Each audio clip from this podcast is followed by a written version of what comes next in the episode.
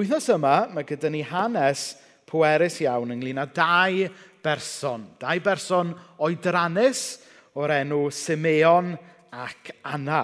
A maen nhw'n cael y fraint o gyfarfod Iesu yn y deml pan oedd e'n cael ei gyflwyno.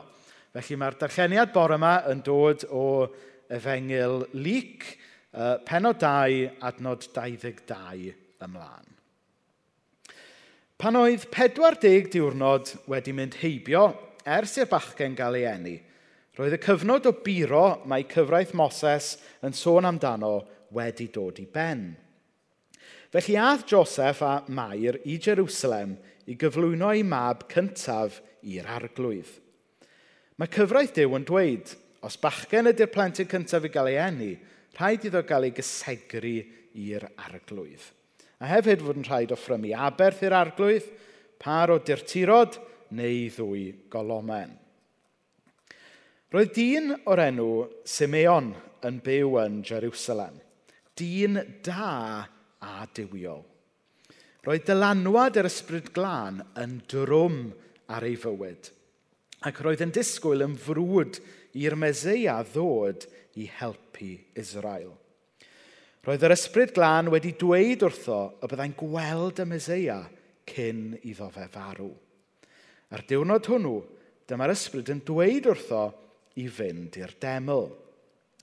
Felly pan ddaeth rhieni Iesu yno gyda'i plentyn i wneud yr hyn roedd y gyfraith yn ei ofyn, dyma Simeon yn cymryd y plentyn yn ei frichiau a dechrau moli Dyw fel hyn. O feistr sofran – Gad i mi dy was bellach farw mewn heddwch. Dyma wnes ti ei addo i mi. Dwi wedi gweld yr achubwr gyda fy chygaid fy hun. Rwy ti wedi rhoi'r bobl i gyd, yn olau er mwyn i genhedloedd eraill ac i gweld, ac yn rheswm i bobl Israel dyfoli di. Roedd Mair a Joseph yn rhyfeddu at y pethau oedd yn cael eu dweud am Iesu.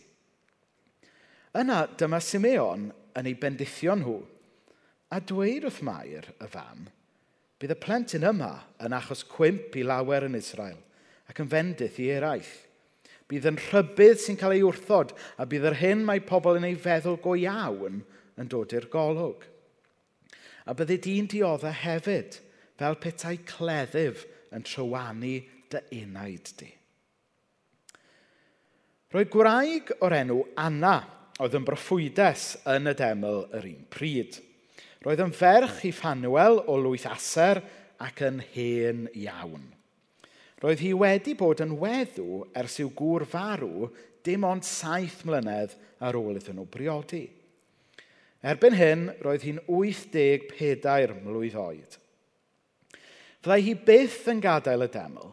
Roedd hi yno ddydd a nos yn addoli Dyw ac yn ymprydio a gweddio. Daeth at Mair a Joseph pan oedd Simeon gyda nhw a dechrau moli dew a diolch iddo. Roedd yn siarad am Iesu gyda phawb oedd yn edrych ymlaen at ryddid i Jerusalem. Wel, amen. Mae hanes hyfryd iawn yn dydy. Hanes pwerus iawn am Simeon ac Anna. Yn aros ac aros a wedyn yn gweld. Nawr, flynyddoedd yn ôl, um, o'n i fan hyn yn y capel, uh, rhyw fore yn ystod yr wythnos. O'n i jyst yn neud rhywbeth, dwi'n gwybod be. Stwna. A fel sy'n digwydd yn aml, um, yn ystod yr wythnos, os di pobl yn gweld bod capel ar agor, mae pobl yn crwydro mewn. Dwi'n hwnna ddim rili'n digwydd ar ddi syl, so mae'n rhywbeth bach worrying am hwnna. Ond be bynnag, o'n i yma rhyw fore yn ystod yr wythnos, a dyma rhyw ddyn yn crwydro i mewn. Ac, um, a fel mae'n digwydd, rhyw ddyn oedd e, oedd ar ei wyliau yma o um, Loegr o le. Ac oedd lot o ddiddordeb gyda fe'n hanes Christmas Evans. So oedd e wedi dod i chwilio am gapel Christmas Evans. Ac oedd e wrth i fod gweld bod y drws yr agor wedyn oedd e'n lli dod mewn a gweld chyfod, y, y plac i Christmas Evans fan hyn. Ond wedyn, wrth bod fi'n sgwrsio gyda fe, oedd e'n dod yn amlwg, mae ddim just rhyw nerd hanes oedd e, oedd e diddordeb yn Christmas Evans, ond oedd e'n ddyn ysbrydol iawn, oedd e diddordeb yn y ffordd oedd pwer ag ysbryd Dyw wedi gweithio yng Nghymru yn y gorffennol. A wedyn, fi o'n i'n sgwrsio am dipyn, ges i dipyn o'i life story fe, ac, um, ac wedi dad e, os fi'n cofyn iawn, newydd farw chydig wythnosau cyn hynny. Ac oedd e'n siarad am ei dad, a ddwedodd e rhywbeth am ei dad, nath greu argraff ddwfn arno fi, a rhywbeth sydd wedi sticio gyda fi ars hynny. Oedd e'n disgrifio ei dad fel hyn, He was such a godly man, you know. You could smell God on him. you could smell God on him. Na fydd hyfryd i ddweud am rhywun, ynddo fe? Na fydd hyfryd i'r gŵr yma fedru dweud am ei dad. You could smell God on him. Ac wrth feddwl am hanes Simeon ac Anna fan hyn, yr argraff mae rhywun yn cael yw bod nhw'n bobl oeddech chi medru aroglu dew arnyn nhw. Mae'r adnodau'n dweud fod Simeon yn ddyn da a diwiol. Mae'n mynd ymlaen i weid wedyn fod, fod dylanwad yr ysbryd glân yn drwm ar ei fywyd. Mae e wedyn yn dweud bod e yn clywed a cael arweiniad gan yr ysbryd glân. Mae yna lot o bethau mawr yn cael ei dweud fan hyn yn does ynglyn â Simeon. Bod e'n ddyn da dywiol, bod dylanwad yr ysbryd glân yn drwm arno fe. Bod e'n clywed yr ysbryd glân yn rhoi arweiniad iddo fe. Nawr, Dyw Lyc ddim yn mynd ymlaen i esbonio sut oedd dylanwad yr ysbryd glân yn drwm arno fe. Dwi e ddim yn esbonio sut oedd e'n clywed llais yr ysbryd glân. Mae, mae jyst yn dweud y peth fel mater o ffact. A'r A chyfo, i ni meddwl, oh, well, pam na fydde fe'n rhoi mwy o details fan hyn? Pam na fydde fe'n esbonio mwy ynglyn â sut oedd e'n drwm dan ddylanwyr yr ysbryd glân? Sut oedd e'n clywed llais yr ysbryd glân? Wel, y reswm pam, nath efengel i gael ei sgwennu ar ôl Pentecost. Felly, ar ôl Pentecost, oedd oedd pawb yn gwybod beth oedd e, yn edrych fel i bobl bod yn drwm dan ddylanwad ysbryd glan, a clywed um, yr ysbryd glan yn siarad. Hynny yw, oedd e'n rhywbeth normal yn y bywyd chrysnogol yn y genhedlaeth yma. Felly oedd bron ddim angen esbonio beth oedd e'n ei olygu. Ond wrth gwrs, da ni'n byw mewn oes sinigaidd, yn dydyn. Da ni'n byw mewn oes i falle'n meddwl bod yr ysbryd glân um, dim ond yn symud yn y llyfrau hanes, neu dim ond yn symud yn America, neu, ond o na, tybo, Cymru parchus i ni. Dydy'r ysbryd glân ddim yn symud mewn ffordd dramatig fel na yn ymplith ni. Ond na, mae Luke yn siarad am y peth fel just matter of fact, achos dyle fod na gored i'r ysbryd glân – Dyle teimlo presenoldeb yr ysbryd glân, dyle cael yn arwen gyda'r ysbryd glân, fod yn rhywbeth normal i'r Cristion. A tymor yma, dwi eisiau ni fod yn agored i roi fwy o lle i'r ysbryd glân. A i ni beidio gweld gwaith ysbryd glân fel rhywbeth weird sy'n digwydd fan, tybod, rhywle arall neu rhywbeth oedd yn digwydd yn amser Christmas Evans. Ond dwi eisiau ni weld mwy o arogol yr ysbryd glân yn y bywyd ni ac yn yr eglwys yma hefyd. Nawr, be mae'r ysbryd glân yn dweud wrth Simeon yn yr hanes yma yw geith e weld y Meseia cyn iddo fe farw. A wedyn yr ail beth mae'r ysbryd glân dweud yma yw mae'n cael rhywbeth o nudge dos i'r deml. A wedyn mae e'n mynd i'r deml ac yn gweld Iesu. So bod yr gair cyntaf gath gan yr sbyglan yn dod yn wir, chi'n bod.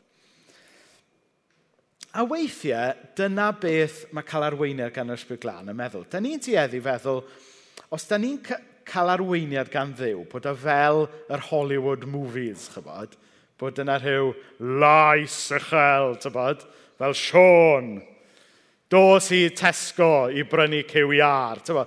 Nid yn yw, da ni'n tueddu feddwl bod llais Dyw o bod Dyw'n arwen ni mewn ffordd bach yn cartwni, tybod?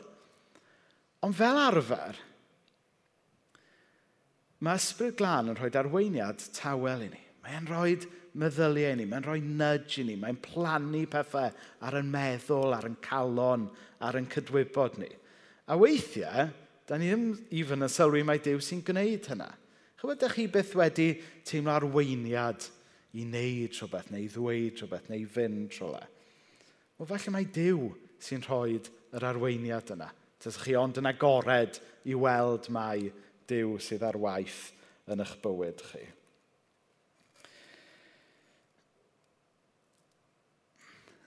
Er mwyn clywed llais Dyw yn y bywyd ni, mae angen i ni tiwnio allan pethau eraill yn does. Chybod, chybod pan ydych chi yn y tŷ weithiau, neu os ydy o'n tŷ ni, chybod, mae gyda chi radio ymlaen falle, mae'r plant yn sgrechian, a wedyn, fatha, tybod, ydych chi'n trio siarad efo'ch ffrind, eich gŵr, neu'ch gwraig, neu rhywbeth, a, a chi ddim yn gallu clywed yn iawn beth maen nhw wedi dweud, achos bod yna ormod y sŵn arall, chi'n gwybod.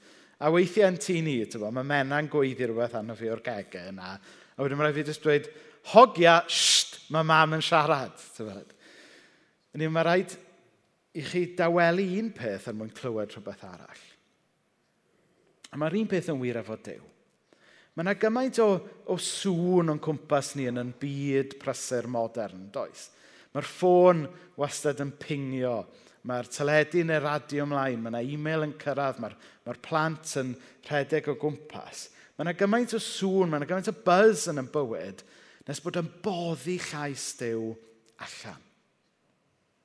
Felly, os ydyn ni tymor yma eisiau clywed mwy gan ddew, mae eisiau ni gymryd cam ymarferol o ffydd weithiau i diwnio sy'n eraill allan er mwyn rhoi clirio y donfedd i ddew siarad mewn i'n calonau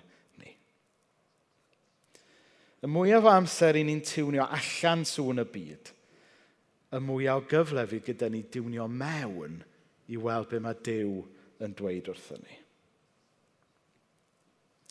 Nawr, oherwydd fod Simeon trwy fywyd wedi bod yn amyneddgar, oherwydd bod e wedi bod yn gwrando allan am arweiniad Dyw, mae e wedyn yn cael cyfarfod Iesu yn y deml. A mae'n cael bendith anhygoel o gyfarfod Iesu. Iesu gobaith y byd. Dyma oedd yr Iesu oedd e fel iddo wedi bod yn disgwyl amdano drwy i fywyd.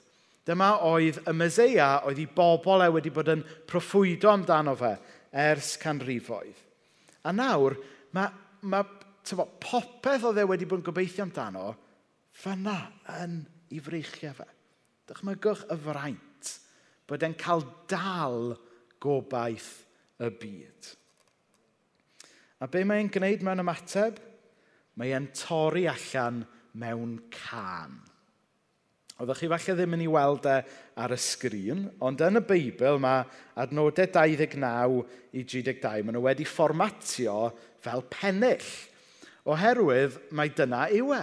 Oes e Simeon, oedd e wedi ffoli gymaint o gael cyfarfod a Iesu. Nes oedd e jyst yn torri allan mewn can.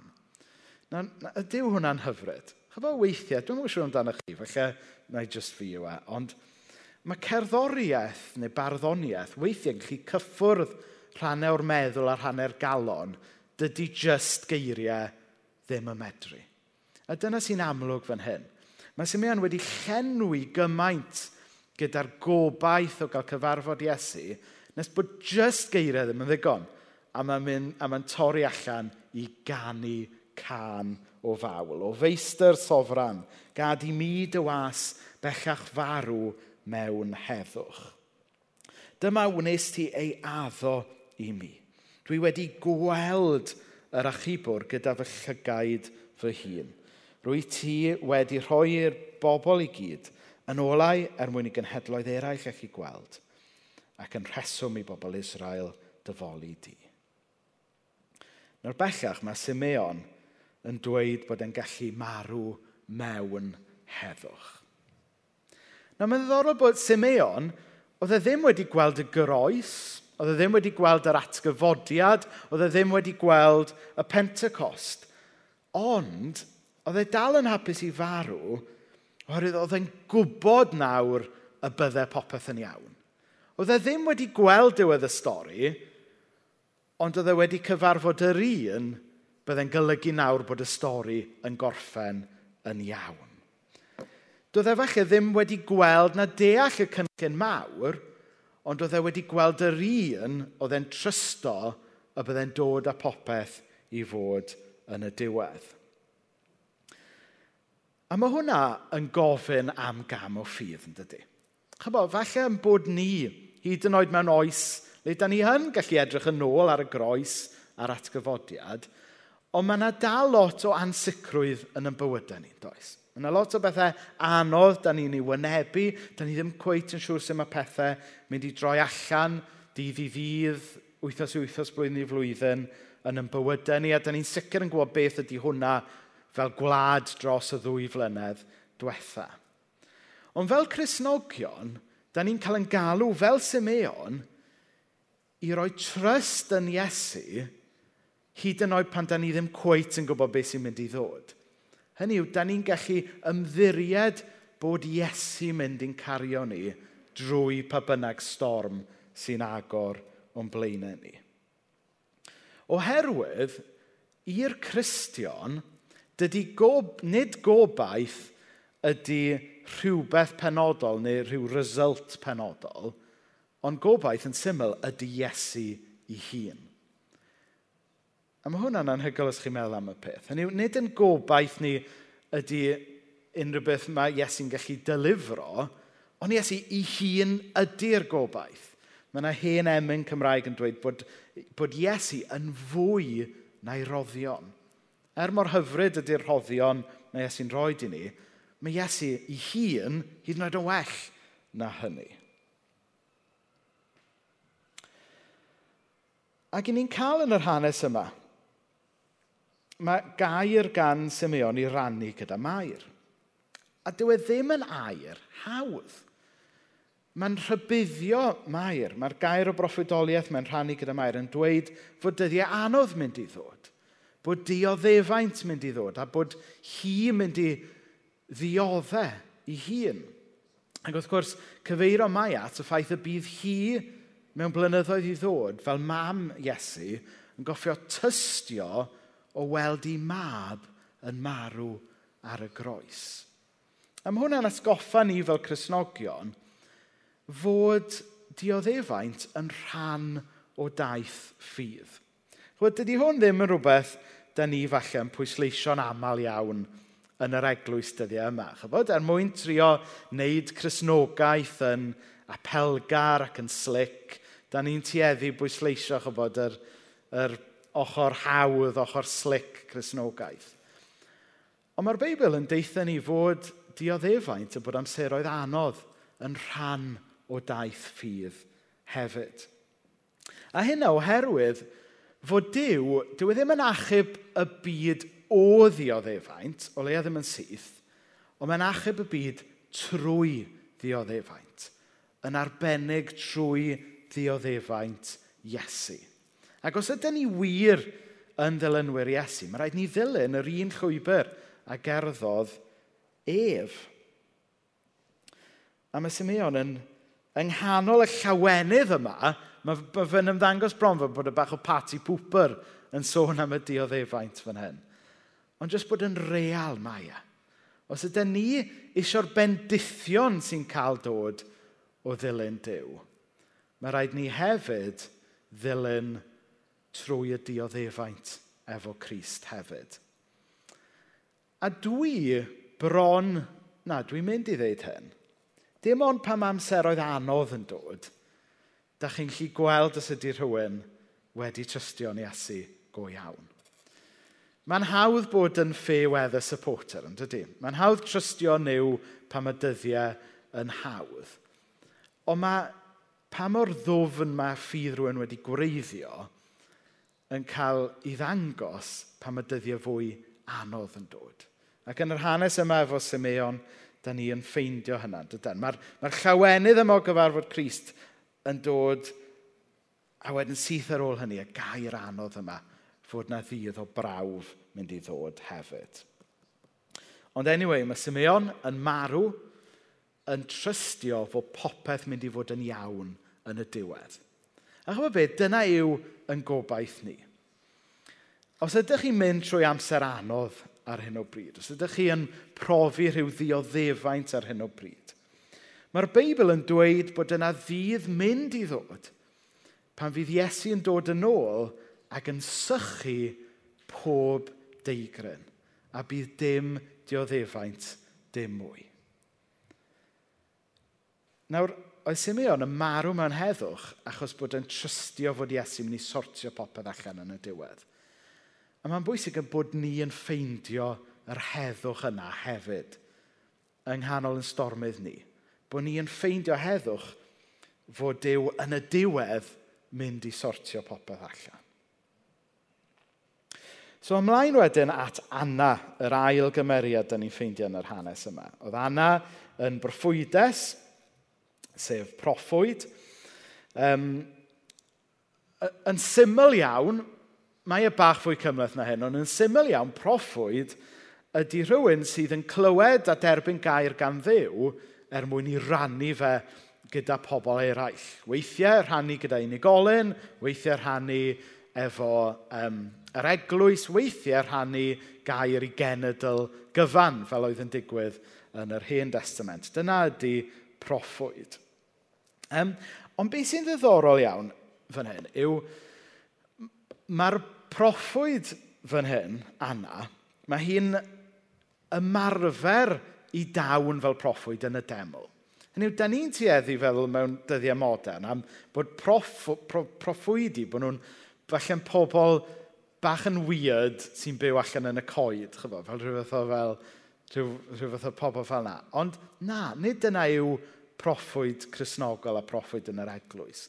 Ond mae e'n ddawn sydd angen cael i ymarfer o fewn yr eglwys er mwyn twf yr eglwys er mwyn dangos cariad Christ i'r byd. Dyw e ddim yn rhywbeth falle da ni a capelu Cymraeg yn gyffredinol wedi, wedi pwysleisio'n iawn dros y blynyddoedd diwetha, ond dyna yw e'n ei hanfod. A da ni'n gweld hwnna yn hanes Anna fan hyn.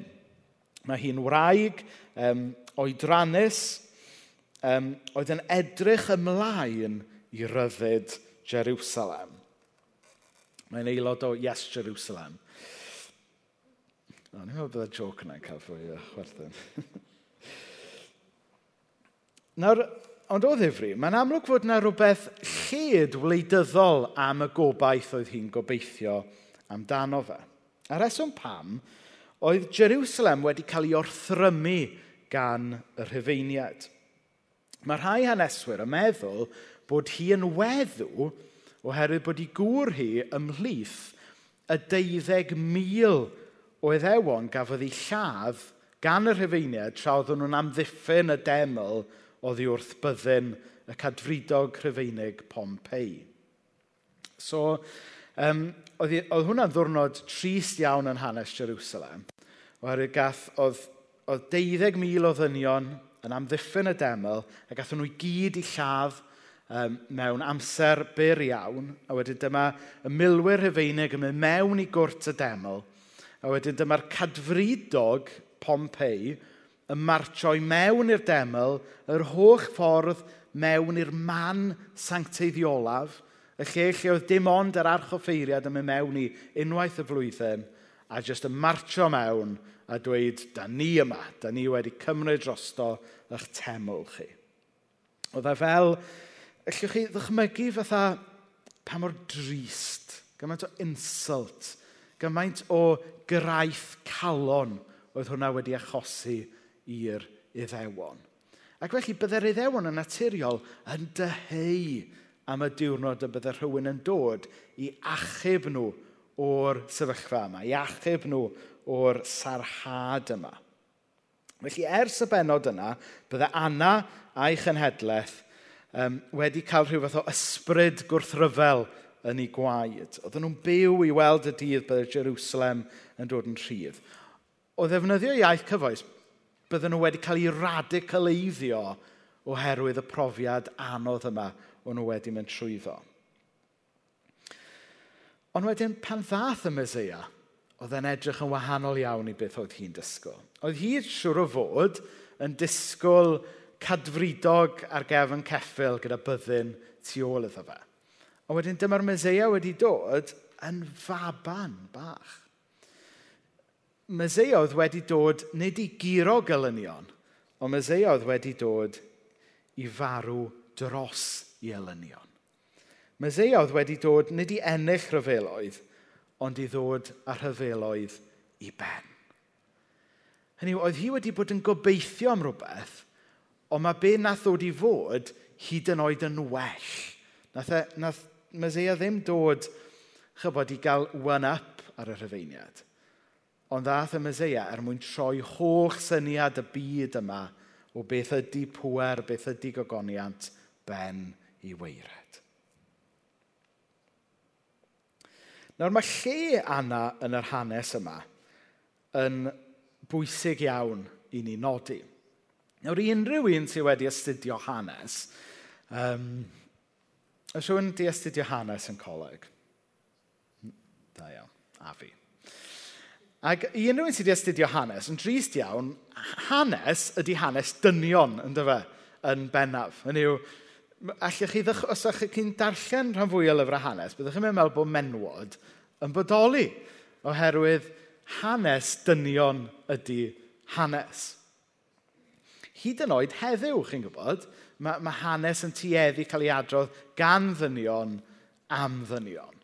A mae merched yn cael ei sgwennu allan o'r stori yn aml. So meddyliwch pa mor counter-cultural oedd hwn 2000 o fynyddoedd yn ôl fod Anna llawn gymaint a Simeon yn cael i roed mewn i'r stori yma gan lyc. Bydde fe'n rhywbeth bydde neb arall wedi gwneud ar y cyfnod. A, a yn y cyfnod, bydde pobl falle wedi adros hanes Simeon, ond o na, bydde dim angen sôn am hanes Anna. Um, gwraig ydy hi, a ddim yn unig gwraig, ond gweddw ydy hi. Di ddim yn bwysig i'r hanes. Ac tasych chi'n mynd trwy efengil lyc, byddwch chi'n gweld hyn yn digwydd gymaint a 27 o weithiau. Sef fod yna hanes am, am ddyn yn cael ei gyflwyno, Ond wedyn, fod yna hanes am wraig hefyd yn cael ei chyflwyno hefyd.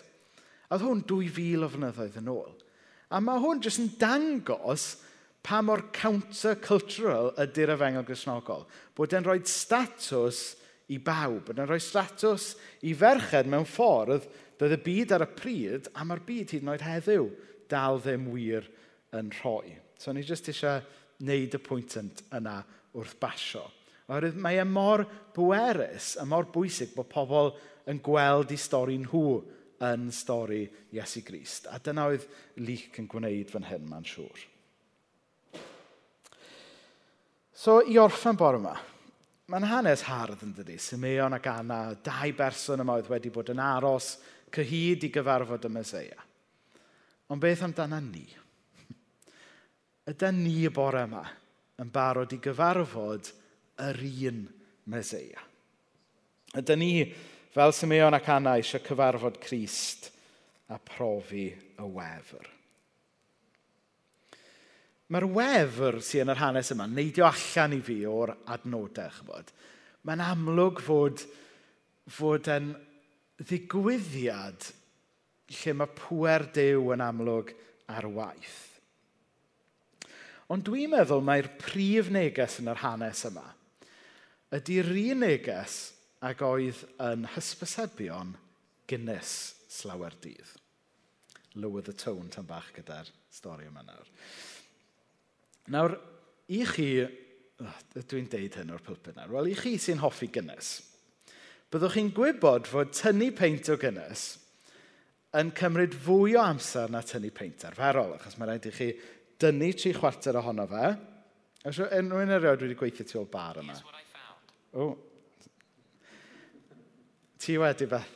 Na ni. Na i ddim cael chdi fyny yn ei demonstration, ond os ydych chi tynnu peint o gynnes, ydych chi goffo tynnu tri chwarter e, wedyn ydych chi goffo gadw iddo fo setlo, a wedyn ydych chi'n tynnu'r chwarter olaf, a wedyn gadw iddo fo setlo eto, a wedyn ydych chi'n rhoi da i'r person sy'n am yfed. Felly, os ydych chi'n tynnu peint o ryw gwr arall, ydych chi jyst yn tynnu fe'n straight ac yn sydyn. A wedyn oedd hysbyseb gan gynnes lawer dydd, oedd yn dweud, good things come to those who wait. Da chi'n cofio'r ysbyseb na ar y teledu slawer dydd? Good things come to those who wait. A dwi'n meddwl mai dyma yw gwir neges fwy a hanes Simeon ac Anna. Oedden nhw'n hen bobl. A dim byd yn bod ar fod yn hen. Dwi'n disgwyl mlaen i fod yn hen. Neu rhai agweddau o fod yn hen. oedden nhw wedi aros trwy bywyd am y Mesoea. A wedyn wedi weld e. Good things come to those who wait. Ni'n yn gwybod lot am hanes Simeon ac Anna cyn yr hanes yma, ond i ni yn gwybod fod nhw yn bobl da a diwiol, ac i ni'n darllen yr hanes fod Anna yn troi fyny'r deml bob dydd i weddio. So, da ni'n gwybod fod nhw'n bobl ffyddlon. Da ni'n gwybod fod nhw'n bobl efo stic, efo dyfal barhad. Ac ni'n gwybod fod Dyw wedi i bendithio nhw yn rhannol oherwydd bod nhw'n bobl oedd yn fodlon aros. Good things come to those who wait. Ac o'n i'n darllen erthigol ar y we um, oedd yn trafod yr hanes yma, ac oedd e'n dweud yn yr, yn yr erthigol, Most of the time, It's just about showing up and waiting. A mae'n wir yn dydy. Wrth gwrs bod ni gyd yn dyheu am y moment yna yn bywyd le da ni'n profi cariad Dyw mewn ffordd uh, cyffroes ac exciting a real iawn, a da ni gyd falle'n gallu meddwl am y diwrnodau yna. Ond rhan fwy o'r amser, mae dilyn Dyw ynglyn a troi fyny ac aros. a sdim byd yn bod ar hynny. Mae e'n rhan o'r bywyd chrysnogol i fod yn amyneddgar. Mae dyfal barhad yn un o ffrwythau yr ysbryd yn dydy. Mae ffyddlondeb.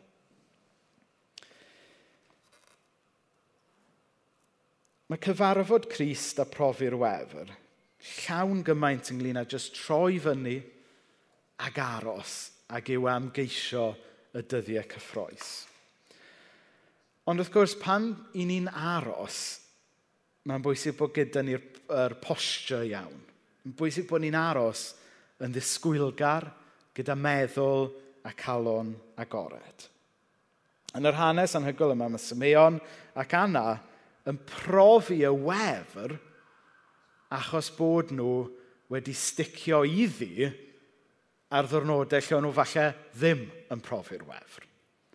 Maen nhw wedi cael diwrnod cyffroes yn y deml oherwydd bod nhw wedi parhau fynd i'r deml ar y ddyddiau pan oedd popeth yn boring a ddim lot yn digwydd. Hynny yw, mae Dyw yn bendithio i ffyddlondeb a'i dyfal barhad nhw. A dwi'n meddwl bod hwnna'n wers i ni fel Cresnogion dyddiau yma dydyn ni ddim ar hyn o bryd yn byw yn nyddiau y diwygiadau mawr. Os ddarllenwch chi y llyfrau hanes, darllen am hanes cyfnod Christmas Evans neu dyddiau um, Evan Roberts pan oedd diwygiadau mawr y cyffroes yng Nghymru. Da ni'n sychedu brofi Dyw mewn ffordd um, fel yna, yn dydyn?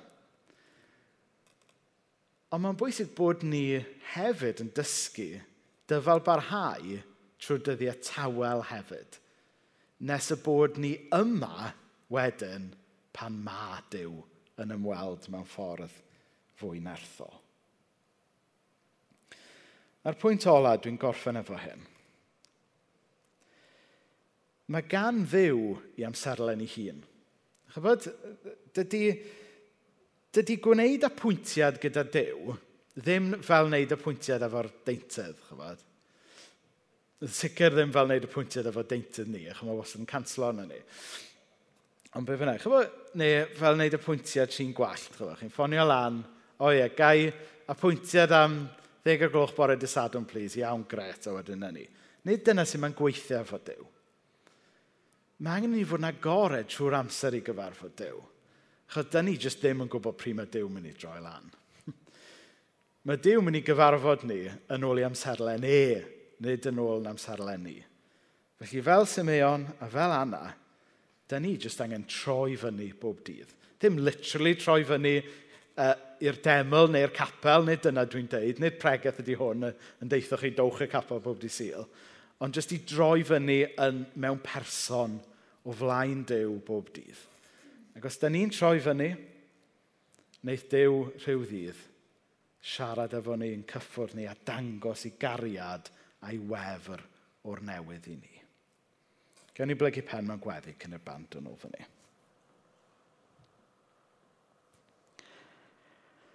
O ddiw dad, da ni eisiau profi a cyfarfod y Meseia mewn ffordd arbennig fel Simeon a Anna.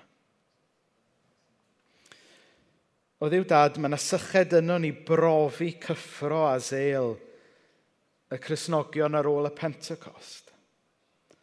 Ond yn fwy na dim bore yma o ddiw dad, da ni'n gofyn i ti ddysgu ni sut mae bod yn ffyddlon. Da ni'n gofyn i ti ddysgu ni sut mae bod yn amyneddgar. Da ni'n gofyn i ti ddysgu ni plannu gwreiddiau dofn, fel Simeon ac Anna. O ddiw dad, da ni eisiau profi'r ysbryd glân mewn ffordd nerthol ydan. Ond da ni eisiau profi dy ysbryd di mewn ffordd sy'n mynd i gario ni trwy'r dyddiau tywyll a ddim jyst rhoi buzz i ni ar ddyddiau da. O ddiw dad, da ni eisiau ffydd, da ni eisiau sbrydolrwydd sy'n mynd i bara oes o ddiw dad, fel hanes Simeon ac Anna. Da ni ddim eisiau ffydd sy'n llosgu'n gryf a wedyn yn llosgu allan, ond da ni eisiau ffydd fydd yn cadw ni'n gynnes efo ti ar hyd yn hoes. O ddiw dad, gad i ni bore mor newydd gyfarfod Crist – a profi'r wefr. Amen.